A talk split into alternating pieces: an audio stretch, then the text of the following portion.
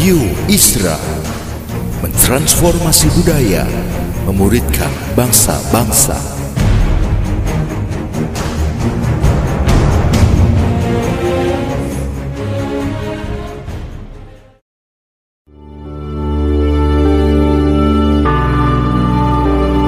Apostolic Prophetic Messages mengungkapkan pesan dan arahan dari hati Tuhan bagi gerejanya demi menuntaskan mandat kerajaan Allah di Indonesia dan bangsa-bangsa. Selamat mendengarkan.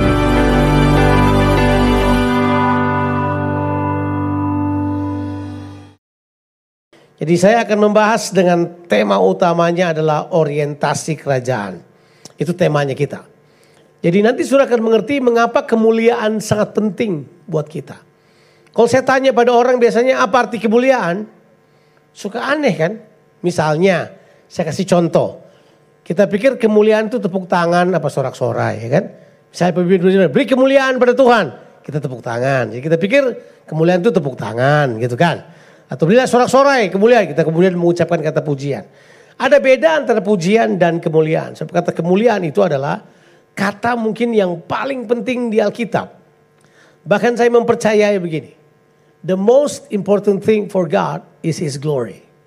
Hal yang paling penting bagi Tuhan adalah kemuliaannya. Itu penting banget. Dan hal yang penting ini dia bagikan pada manusia. Dia tidak bagikan pada berhala-berhala. Dia tidak bagikan pada yang lain. Dia bagikan kemuliaannya pada manusia. Itu itu penting sekali kita ketahui. Jadi manusia diciptakan sebagai makhluk yang mulia. Untuk itu kita akan mulai dulu dengan membaca bagian di Alkitab. Kita akan membaca dalam kitab Filipi pasalnya yang pertama. Ini ayat bagus banget sih sebenarnya. Filipi pasalnya yang pertama kita akan baca ayatnya yang ke-20 sampai ayatnya yang ke-23. Ya. Biasanya ayat ini dipakai di kebaktian orang mati sih biasanya. Tapi ayat ini akan menunjukkan kepada kita betapa pentingnya kemuliaan Tuhan itu dalam kehidupan kita. Kita buka kitab Filipi pasalnya yang pertama saya mau baca ayatnya yang ke-20 sampai ayatnya yang ke-20. Mungkin ayat yang ke-24 kita baca. Jadi Filipi pasalnya yang pertama ayat 20 sampai ayatnya yang ke-24. Demikianlah firman Tuhan. Sebab yang sangat kurindukan dan kuharapkan ialah bahwa aku dalam segala hal tidak akan beroleh malu. Melainkan seperti sedia kala Demikian pun sekarang Kristus dengan nyata dimuliakan di dalam tubuhku baik oleh hidupku maupun oleh matiku. Karena bagiku hidup adalah Kristus dan mati adalah keuntungan. Tetapi jika aku harus hidup di dunia ini berarti bagiku bekerja memberi buah. Jadi mana yang harus kupilih? Aku tidak tahu. Aku didesak dari dua pihak aku ingin pergi dan diam bersama-sama dengan Kristus, itu memang jauh lebih baik. Tetapi lebih perlu untuk tinggal di dunia ini karena kamu. Jadi ini ini ayat yang luar biasa sekali yang Paulus coba sodorkan buat kita. Ada beberapa hal yang saya mau highlight dulu sini sebelum kita membahas prinsipnya. Jadi Paulus mengetahui bahwa kemuliaan Tuhan itu dinyatakan dalam tubuh manusia. Oke ingat dulu kata itu. Kemuliaan Tuhan dinyatakan di mana? Jadi Paulus bilang yang kurindukan ialah supaya apa? Dikatakan di ayat yang 20 bahwa dalam segala hal aku tidak beroleh malu. Kata malu itu berarti come short of the expectation. Tidak seperti yang diharapkan. Itu arti malu ya. Jadi orang harapkan begini ternyata nggak seperti yang diharapkan. Jadi bilang aku tidak mau malu. Melainkan seperti sedia kala. Ini bilang Kristus dengan nyata dimuliakan di dalam tubuhku. Jadi Paulus mengetahui bahwa kemuliaan itu terjadi pada apa? Atau terjadi dalam apa? Tubuh manusia. Wow. Padahal kan tubuh kita ini sering kali dibilang apa? Tubuh kita ini penuh dengan dosa, penuh dengan kelemahan, penuh dengan segala hal. Tapi Alkitab bilang buat kita bahwa kemuliaan Allah mau dinyatakan lewat apa? Tubuh manusia. Berarti tubuh kita ini penting. Karena tubuh kita merupakan tempat kehendak Allah dimanifestasikan.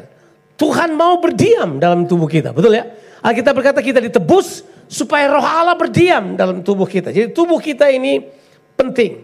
Nah, kita perlu memahami bahwa kemuliaan yang Tuhan berikan kepada kita itu adalah sesuatu yang luar biasa. Nah, saya akan mulai membahas dengan saudara apa artinya kemuliaan.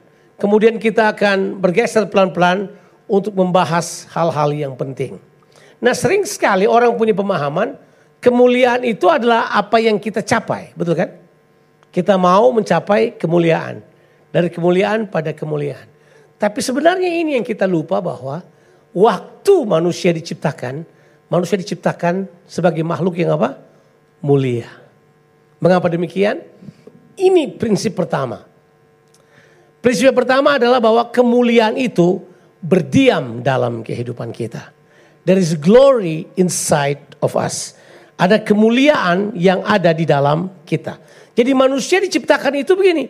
Kemuliaan Tuhan berdiam dalam kehidupan kita. Manusia tidak diciptakan dengan hina, percayalah. Manusia bukan makhluk hina. Manusia adalah makhluk mulia. Kehinaan menjadi bagian manusia karena manusia jatuh di dalam dosa. Tapi waktu Tuhan menciptakan manusia di awalnya, manusia penuh dengan kemuliaan.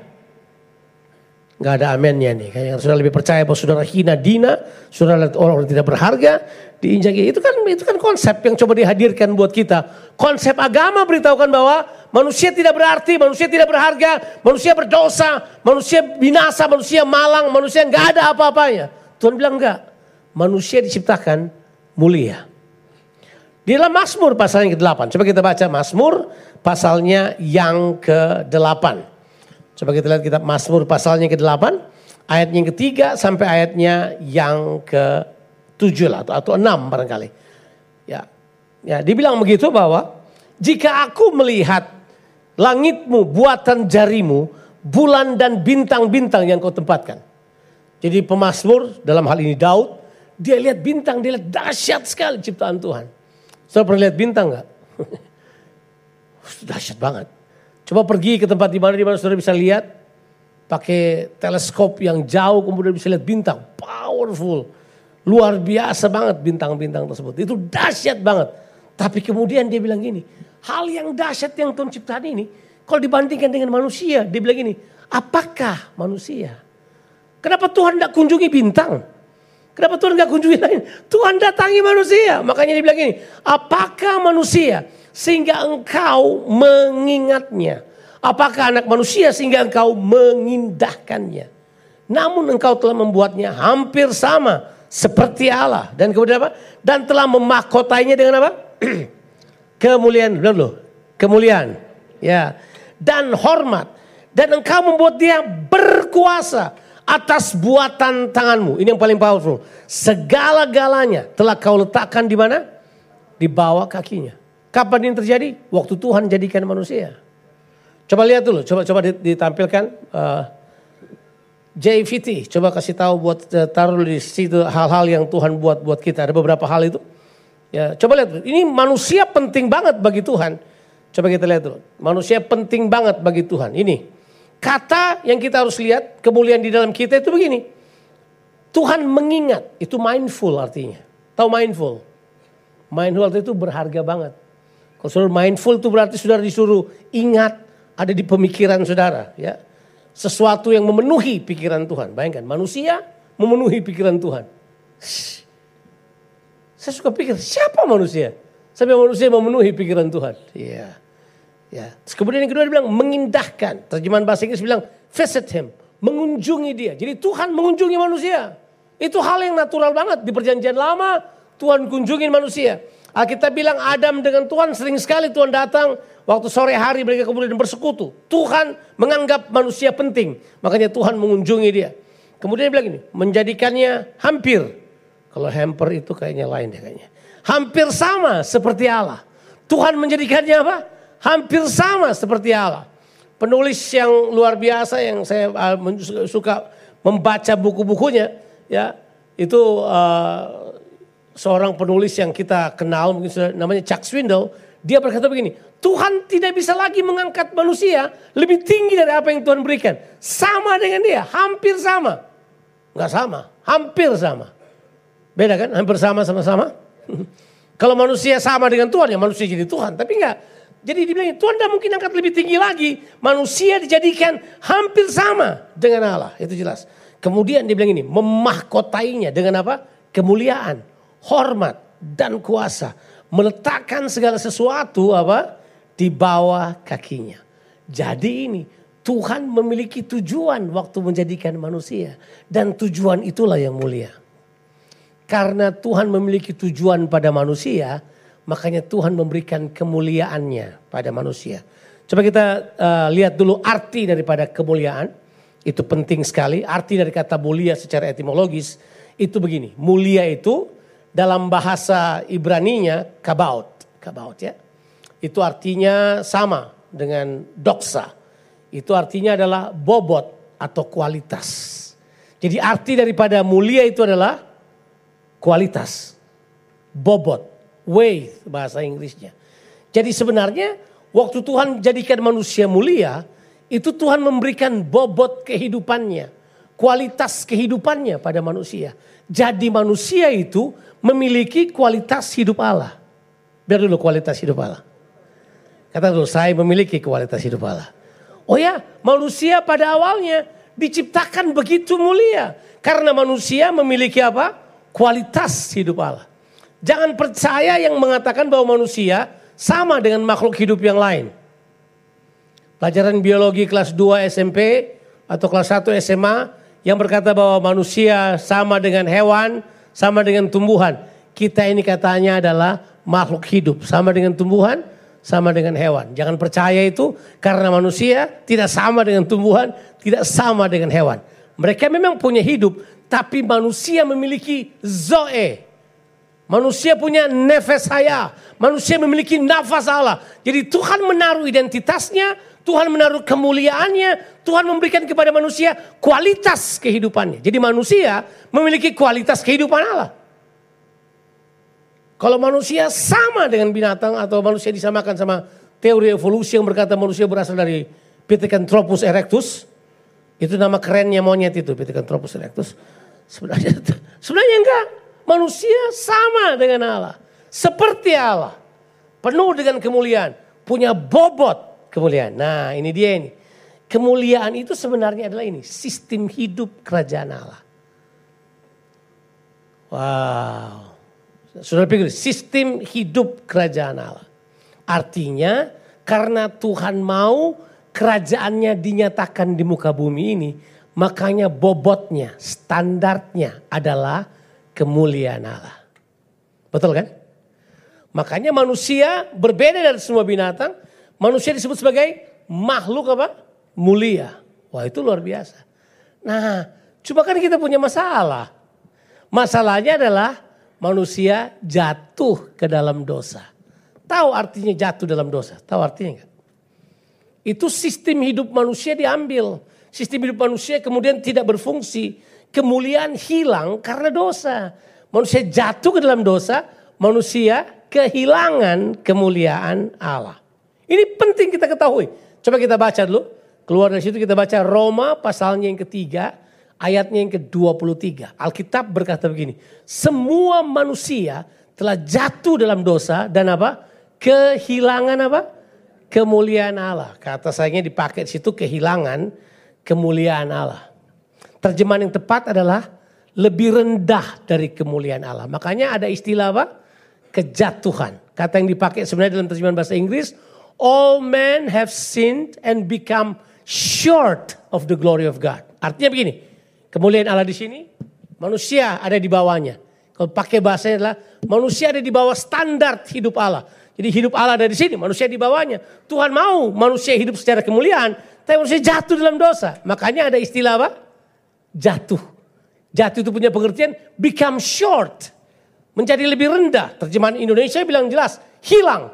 Kemuliaan Allah hilang dari diri manusia. Jadi kemudian manusia kehilangan atau manusia tidak memiliki lagi fungsi kemuliaan dalam diri mereka. Manusia mulai berfungsi dalam dosa. Manusia tidak berfungsi dalam kemuliaan Allah. Jadi kemuliaan itu adalah DNA-nya manusia. Kemuliaan itu adalah sistem yang bergerak dalam diri manusia yang membuat manusia dapat berhubungan dengan Allah dan memanifestasikan kuasa Allah di muka bumi ini. Sebab tujuan Allah sederhana. Tuhan mau heaven manifested on earth. Tuhan menghendaki sorga dinyatakan di muka bumi ini. Lewat siapa? Lewat manusia. Makanya dia berikan kemuliaannya dalam manusia. Supaya manusia dengan kemuliaan Allah memanifestasikan tujuan Allah ini. Supaya manusia kemudian dapat menyatakan kemuliaan Tuhan. Ini penting. Tapi dosa datang. Manusia kemudian apa? Jatuh dalam dosa. Kehilangan kemuliaan Allah. Tapi haleluya. Yesus datang dan tebus kita. Amin. Yesus datang, dia tebus kita. Arti menebus adalah membeli kita kembali. Mengembalikan kita pada tujuan-tujuan Allah. Supaya manusia kembali lagi menyatakan kemuliaan Tuhan. Makanya kita beritahu buat kita, Yesus datang untuk memberikan kemuliaannya buat kita. Dia serahkan kemuliaannya buat kita. Supaya kita kembali bergerak pada sistem itu. Tuhan mau supaya kita kembali memanifestasikan kemuliaannya. Lewat apa? Lewat apa? Lewat tubuh kita. Bilang dulu tubuh. Kita sudah baca tadi kan? Coba kita ulang lagi. Baca ayat tersebut, Filipi pasal 1, ayatnya yang ke-20. Ada sebuah kata yang di situ yang orang suka pandang enteng. Dia bilang ini, sebab yang sangat kurindukan dan kuharapkan ialah bahwa aku dalam segala hal tidak beroleh malu. Kata saya bilang tadi tidak beroleh malu adalah apa? Tidak menjadi seperti yang diharapkan. Itu malu artinya. Melainkan seperti sedia kala. Bilang dulu, sedia kala. Orang pikir kata sedia kala apa? Kata sedia kala itu adalah tujuan awal Tuhan. Itu kata sedia kala. Dimulai dari awalnya. Dia bilang dari awalnya Tuhan mau. Demikian pun sekarang apa itu? Kristus apa? Nyata. Jadi artinya begini. Kemuliaan itu sudah ada dalam saudara. Bagian saudara adalah menyatakannya. Bilang dulu. Menyatakannya. Saudara tidak mencari kemuliaan lagi. Sebab kemuliaan sudah ada dalam saudara. Sudah tidak perlu cari kemuliaan. Kemuliaan sudah ada. Karena yang berdiam dalam saudara adalah kemuliaan Allah. Yesus adalah kemuliaan. Makanya dikatakan Alkitab, Christ in you the hope of glory. Itu dituliskan Kolose 1 ayat yang ke-27. Ini memang rahasia kata Paulus. Coba kita baca ayat tersebut. Sorry uh, JVT tolong dulu. Uh, uh, ayatnya uh, kitab Filipi. Sorry, kitab Kolose pasal 1 ayat yang ke-27. Coba kita lihat ayat tersebut. Kalau boleh. Kalau coba saudara di Alkitab saudara, kalau pasal 1, ayat yang ke-27, dia katakan demikian. Kalau saudara baca ayat 15, Yesus itu gambar Allah yang tidak kelihatan, Tuhan gak kelihatan. Tapi lewat Yesus Tuhan kelihatan. Kemudian Yesus naik ke sorga. Sekarang kita manusia, gerejanya merupakan manifestasi dari Tuhan Yesus yang tidak kelihatan. Dia bilang begini, kepada mereka, ayat yang ke-27, Allah mau memberitahukan betapa kaya dan mulianya rahasia itu di antara bangsa-bangsa lain. Yaitu Sayangnya terjemahannya adalah Kristus ada di tengah-tengah kamu. Terjemahan yang tepat adalah Christ in you. Bilang dulu Christ in you. Itu artinya Yesus di dalam kamu. Itu adalah apa? Pengharapan akan apa? Kemuliaan. Jadi di dalam saudara sudah ada Kristus berdiam sebagai pengharapan. Apa arti pengharapan? Potensi. Dia belum terjadi tapi dia sudah ada. Tapi dia perlu dimanifestasikan. Di dalam saudara sudah ada hal tersebut. Itu yang Paulus bilang. Bahwa Kristus sekarang sudah berdiam dalam kehidupan saya. Kerinduannya adalah kita menyatakan Kristus bagi dunia ini. Tapi kita selalu kaburkan hal tersebut. Jadi orang berpikir kemuliaan tuh gini. Nyanyi-nyanyi aja. Oke saya suka menyanyi, saya orang Ambon. Tapi harusnya kita nggak cuma menyanyi menyatakannya. Nyatakan dengan tubuh. Oh ya kita perlu nyanyi. Kita perlu nyanyi. Sorga perlu dengan pujian dan penyembahan saya percaya. Tapi Tuhan mau kehendaknya yang di sorga itu dinyatakan di bumi ini. Dan bukan cuma lewat nyanyian. Menyanyilah kita di ibadah. Tapi dalam kehidupan sehari-hari. Saudara menyatakan kemuliaan Allah dengan kualitas hidup. Dengan cara menghidupi kehidupan Kristus dengan cara mengerjakan sesuatu dengan kualitas Kristus, dengan cara berhubungan dengan kualitas Kristus, dengan cara mengerjakan pekerjaan dengan kualitas Kristus. Kalau kita mengerjakan dengan kualitas Kristus, yang terjadi adalah tubuh kita membawa kemuliaan bagi Tuhan. Ah, nah ini kita kita perlu garis bawahi hal ini sebab ini penting banget, ini penting banget. Dengan cara apa tubuh kita memberikan kemuliaan bagi Tuhan? Dengan cara apa? Bagaimana caranya sudah sudah menjadikan tubuh saudara sebagai alat kemuliaan Tuhan.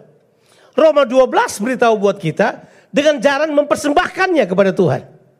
Persembahkanlah tubuhmu karena tubuhmu itu alat kemuliaan. Saya ulangi lagi, tubuhmu adalah alat kemuliaan. Uangmu nyusul gitu.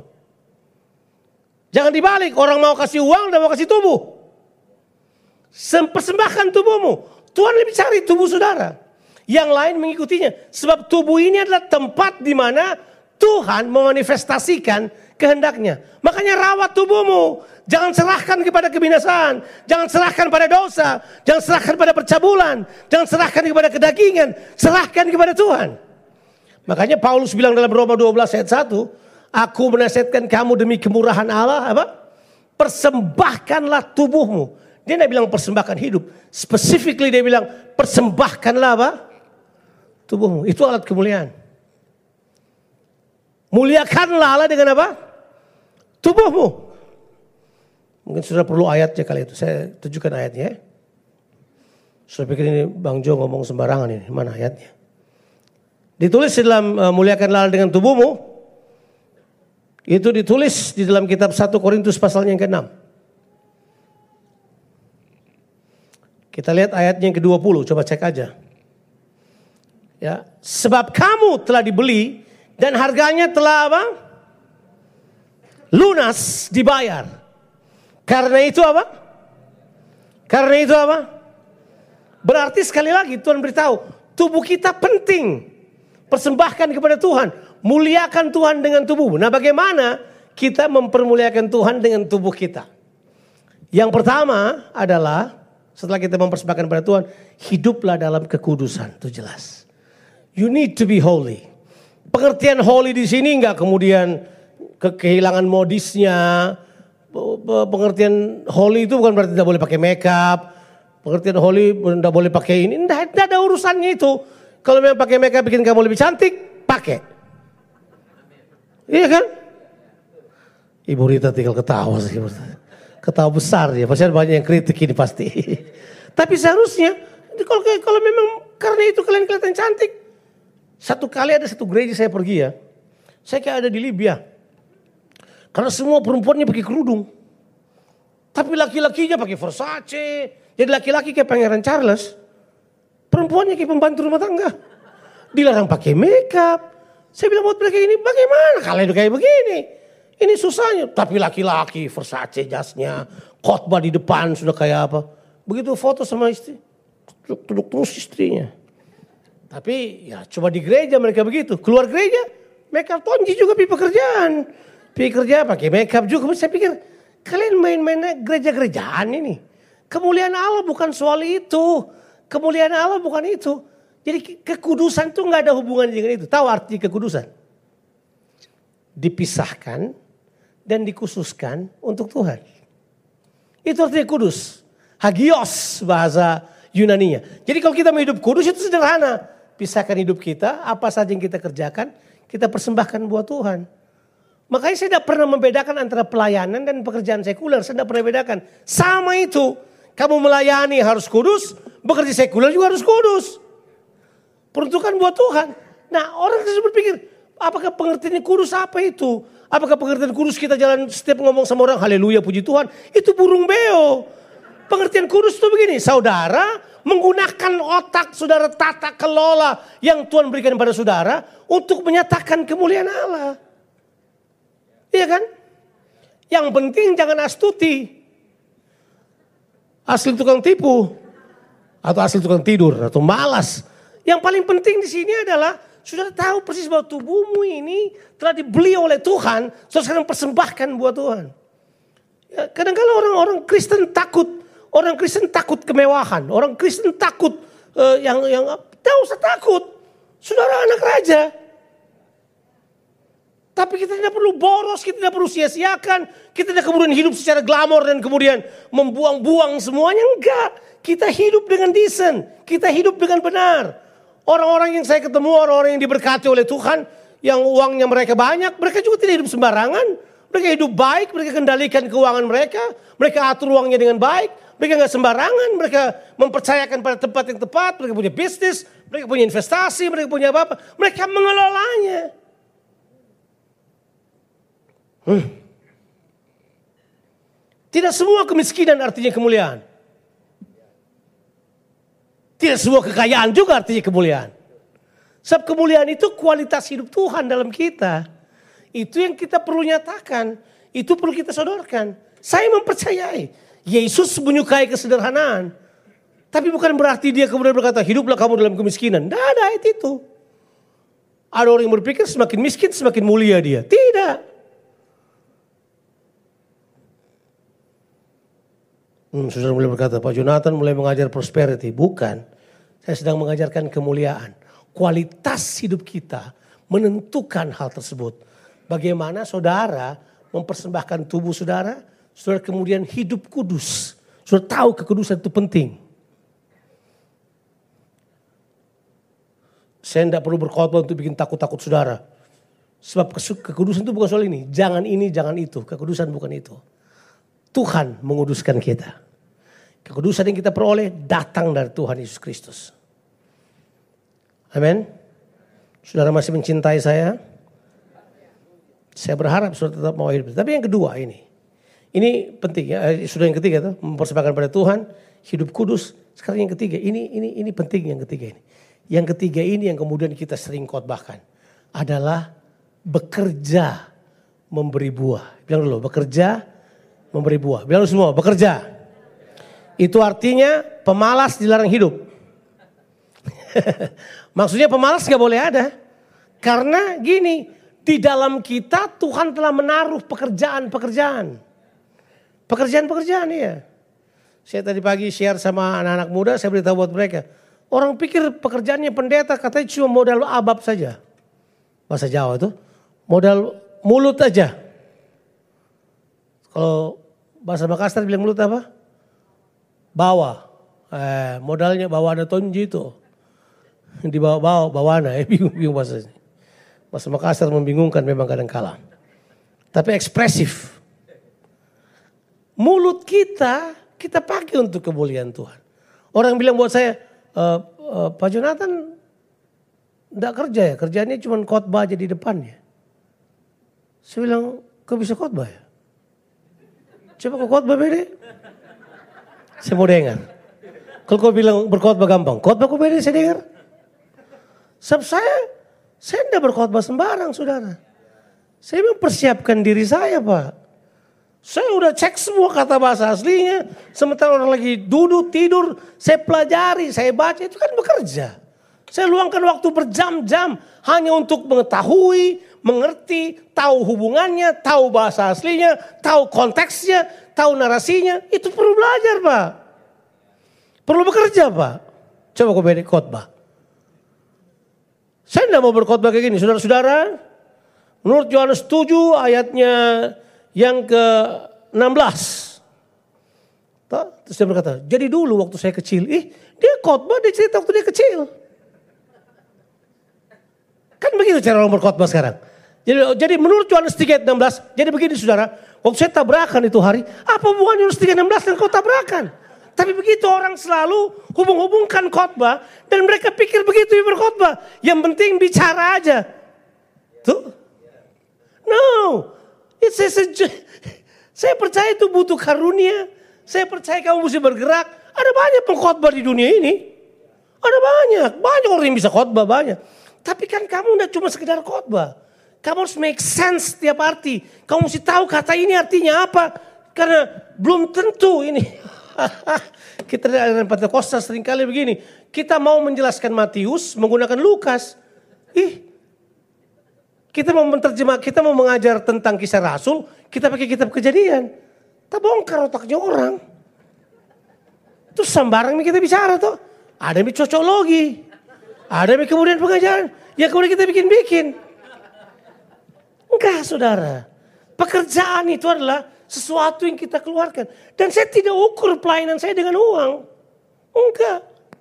Enggak saya tidak ukur pelayanan saya dengan uang. Enggak. Enggak penting. Yang penting saya mengeluarkan kapasitas saya yang terbaik. Yang penting saya meninggalkan warisan buat dunia ini. Saya mengeluarkan apa yang ada di dalam saya, gitu kan. Bekerja memberi buah. Bekerja memberi buah. Jadi pekerjaan saudara menghasilkan buah. Tidak ada pekerjaan, gak ada buah. Lihat saya? Paulus bilang begini.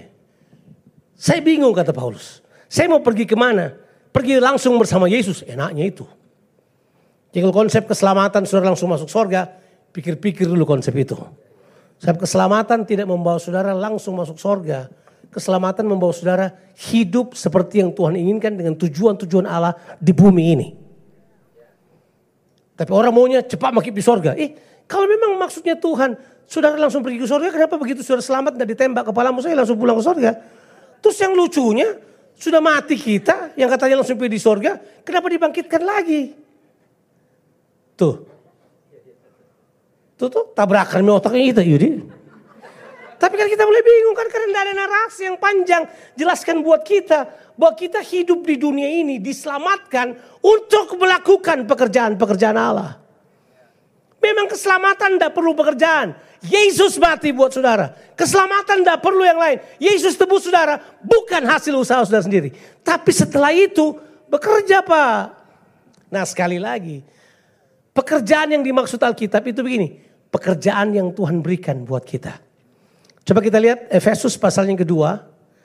Ayatnya 8, 9, 10. Bahwa tujuan penebusan itu adalah supaya Tuhan memberikan kepada saudara lagi pekerjaan. Ya. Terus ini para para ahli teologi masa kini memisahkan antara ayat 8, 9, dan 10. Padahal itu satu konteks itu. Coba lihat Efesus 2 ayat 8. Sebab karena kasih karunia kamu diselamatkan oleh iman. Itu bukan hasil usahamu, tetapi pemberian Allah. Siapa yang diselamatkan oleh iman karena kasih karunia? Haleluya, kita semua. Ayat 9. Itu bukan hasil pekerjaanmu. Jangan ada orang yang memegahkan diri. Jadi soal keselamatan, tidak ada yang bisa sombong. Kita semua selamat karena kasih karunia oleh iman. Tidak ada hasil pekerjaanmu. Tetapi setelah diselamatkan, ada tujuan keselamatan. Sayangnya orang tidak membahas tujuan keselamatan. Ini dia masalahnya. Kalau orang tidak tahu tujuan keselamatan, mereka pikir keselamatan adalah tujuan. Keselamatan bukan tujuan. Keselamatan justru langkah awal. Tujuannya adalah ayatnya yang ke-10. Ini. Karena kita ini buatan Allah. Siapa buatan Allah? Kita. Terus bukan cuma buat Allah. Diciptakan dalam Yesus Kristus. Setelah jatuh manusia berdosa, kita dilahirkan kembali dalam Yesus Kristus. Kemudian dia bilang ini, untuk apa? Untuk apa? Melakukan pekerjaan baik. Kata yang dipakai itu ergon. Ergon itu pekerjaan baik. 176 kali muncul di Alkitab. Lebih banyak dari kata kerajaan kata itu. Ya. Ergon itu 176 kali tulis diterjemahkan pekerjaan baik mungkin 172, empat kali adalah perbuatan baik. Misalnya ayat tema kita, Matius 5 ayat 16, kata melihat perbuatanmu yang baik, itu kata ergon juga. Ergon itu pekerjaan yang baik. Nah, Alkitab bilang buat kita, kita telah masih, ini sudah ada. Kembali tadi, Efesus 2 ayat 10. Kembali lagi ayat, thank you. Dibilang ini, kita, ini nih, kita ini buatan Allah, diciptakan oleh Yesus untuk melakukan apa? Pekerjaan. Nah, pekerjaan baik ini apa ini? Telah disiapkan apa? Setiap kali Paulus menggunakan kata sebelumnya, dia refer sebelum kejatuhan. Telah Tuhan persiapkan sebelumnya, bahkan sebelum saudara lahir. Dia telah menaruh pekerjaan baik itu di dalam kita. Ia mau supaya kita hidup di dalamnya. Apa artinya di dalamnya? Nah pekerjaan-pekerjaan baik itu. Dia mau kita hidup dalam pekerjaan-pekerjaan baik itu. Nah pekerjaan baik itu ada di dalam setiap kita. Nah bedakan pekerjaan baik yang adalah ergon dengan menjadi karyawan ya. Beda.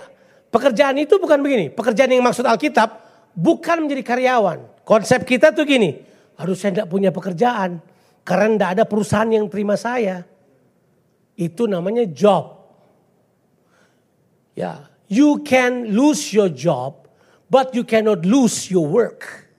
Saudara boleh kehilangan pekerjaanmu di sebuah instansi, perusahaan, tapi saudara tidak akan kehilangan pekerjaan. Sebab pekerjaan baik itu Tuhan taruh dalam diri saudara. Bapak-bapak, berbisnis sendiri itu bagus. Jangan punya mental karyawan terus. Jadi kalau nggak ada pekerjaan, saya tidak terima lamaranku. Kasih keluar yang ada di dalam kamu. Di dalam kamu ada pekerjaan. Sudah lihat saya?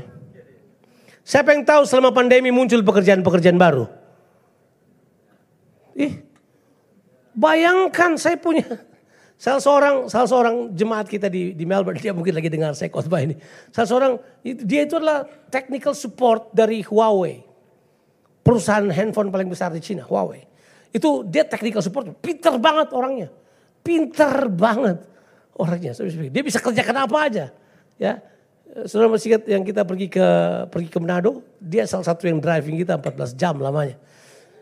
Orangnya memang aktif banget, sangat pintar, sistematikanya bagus dan seterusnya. Itu bayangkan, selama pandemi dia jadi orang yang layani orang banyak ke sana kemari bawa ini bawa itu.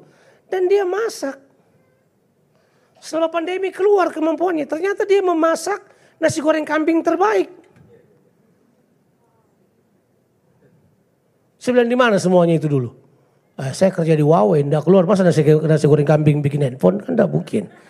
Tapi kemudian dia sadar ada kemampuannya di dalam dia. Parnon diam-diam sebentar lagi kan punya cafe shop yang paling besar di Makassar. Karena ada kemampuannya bikin kopi. Ih, dan enak kopinya. Ada banyak orang tiba-tiba selama pandemi muncul itu kemampuan mereka. Kenapa muncul? Karena memang ada pekerjaan di dalam kita. Ada ibu-ibu yang tadinya biasa-biasa, Tiba-tiba dia masak bikin nagasari enaknya nagasarinya. Terus dia kasih coba saya. Saya pemakan nagasari. Saya tahu nagasari yang enak seperti apa. Saya tahu yang tidak enak seperti apa. Saya tahu yang jangan dimakan. Saya tahu itu. Eh, jadi saya tahu. Jadi saya dibawa ke nagasari. Saya makan. Ih, sedap juga nagasari. Terus dia bilang ini. Kuncinya ada di tepungnya Pak Jo. Cece, saya, saya juga tahu Cibu. Lidahku tidak bisa dibohongi.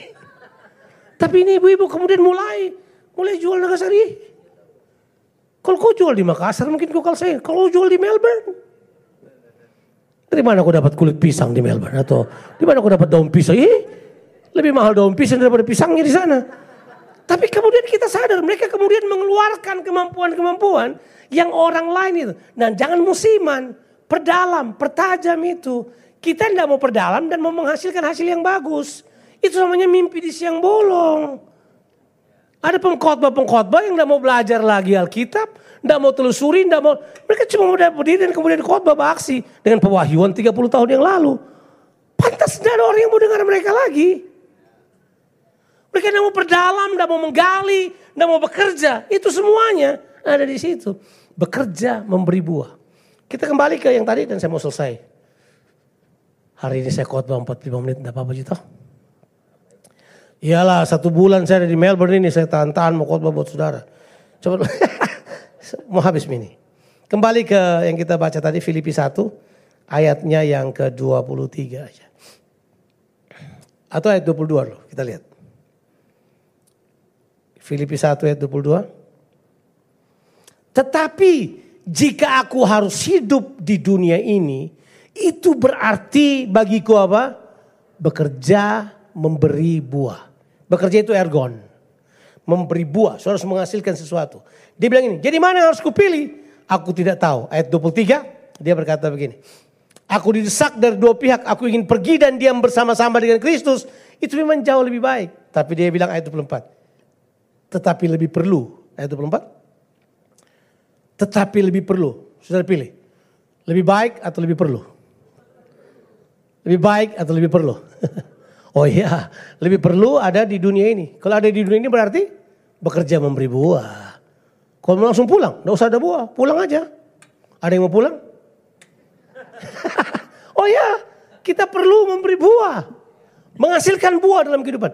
Buah apa yang sudah kita hasilkan? Ternyata berbuah itu adalah perintah pertama Tuhan buat manusia. Bukankah dia berkata? Kejadian 1 ayat 28. Lalu Tuhan memberkati mereka dan berfirman. Sayangnya terjemahan Indonesia sudah bilang beranak cucu. Makanya anak-anak muda berkata gini, ih belum pak kawin. Bagaimana beranak cucu? Sebab kata beranak cucu itu bahasa Yunaninya itu adalah parah. Parah itu artinya be fruitful, menghasilkan buah. Makanya nggak heran waktu Yesus berkhotbah terbanyak dia bercerita tentang buah, benih, pohon, buah. Dia datang cari buah.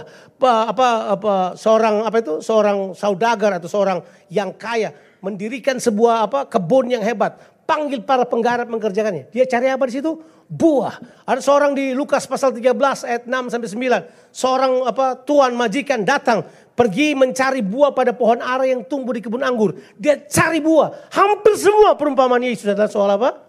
Berbuah. Makanya dia berkata begini. Barang siapa berbuah lebat, ia mempermuliakan aku. Yohanes 15 ayatnya yang ke-8. Barang siapa berbuah lebat, dia mempermuliakan aku. Saudara mau mempermuliakan Tuhan?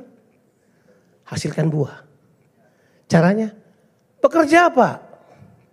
Bekerja. Tidak harus melamar pekerjaan. Kerja sendiri. Keluarkan kemampuanmu. Saya percaya ada kemampuan yang luar biasa. Saya mau di sini muncul bisnis-bisnis yang baru. Muncul pekerjaan-pekerjaan yang baru. Kerjakan bisnis dengan baik. Lakukan dengan kualitas ilahi. Itulah kemuliaan kita. Kelihatan bobotnya pada hasil pekerjaan kita. Saya tidak mau dibilang hamba Tuhan yang cuma bermodal mulut. Enggak. Saya mau tunjukkan kualitas kehidupan saya.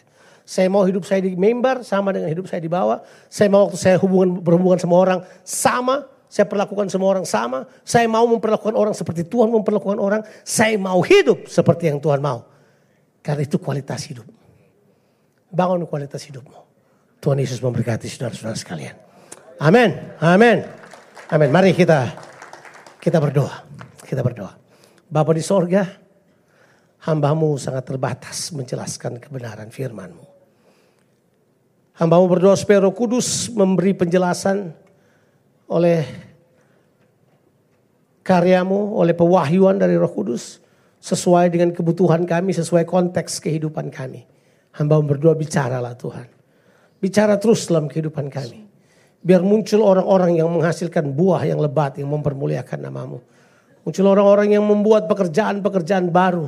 Mereka tahu bahwa Tuhan telah menganugerahkan pekerjaan di dalam kehidupan mereka. Hamba berdoa. Biar mereka melakukan kehendakmu ya Tuhan. Berkati umatmu ya Tuhan. Berkati. Kalau sekarang orang sedang lock in pada pemikiran bahwa mereka harus bekerja di sebuah tempat. Sadarkan mereka untuk mengetahui bahwa pekerjaan itu ada di dalam mereka. Mereka sanggup mengerjakan kehendakmu ya Tuhan. Roh Kudus teruslah bicara pada umatmu. Hamba percaya kasih karuniamu lebih daripada cukup. Sekarang berkati kami semuanya dalam nama Tuhan Yesus Kristus. Haleluya. Amin.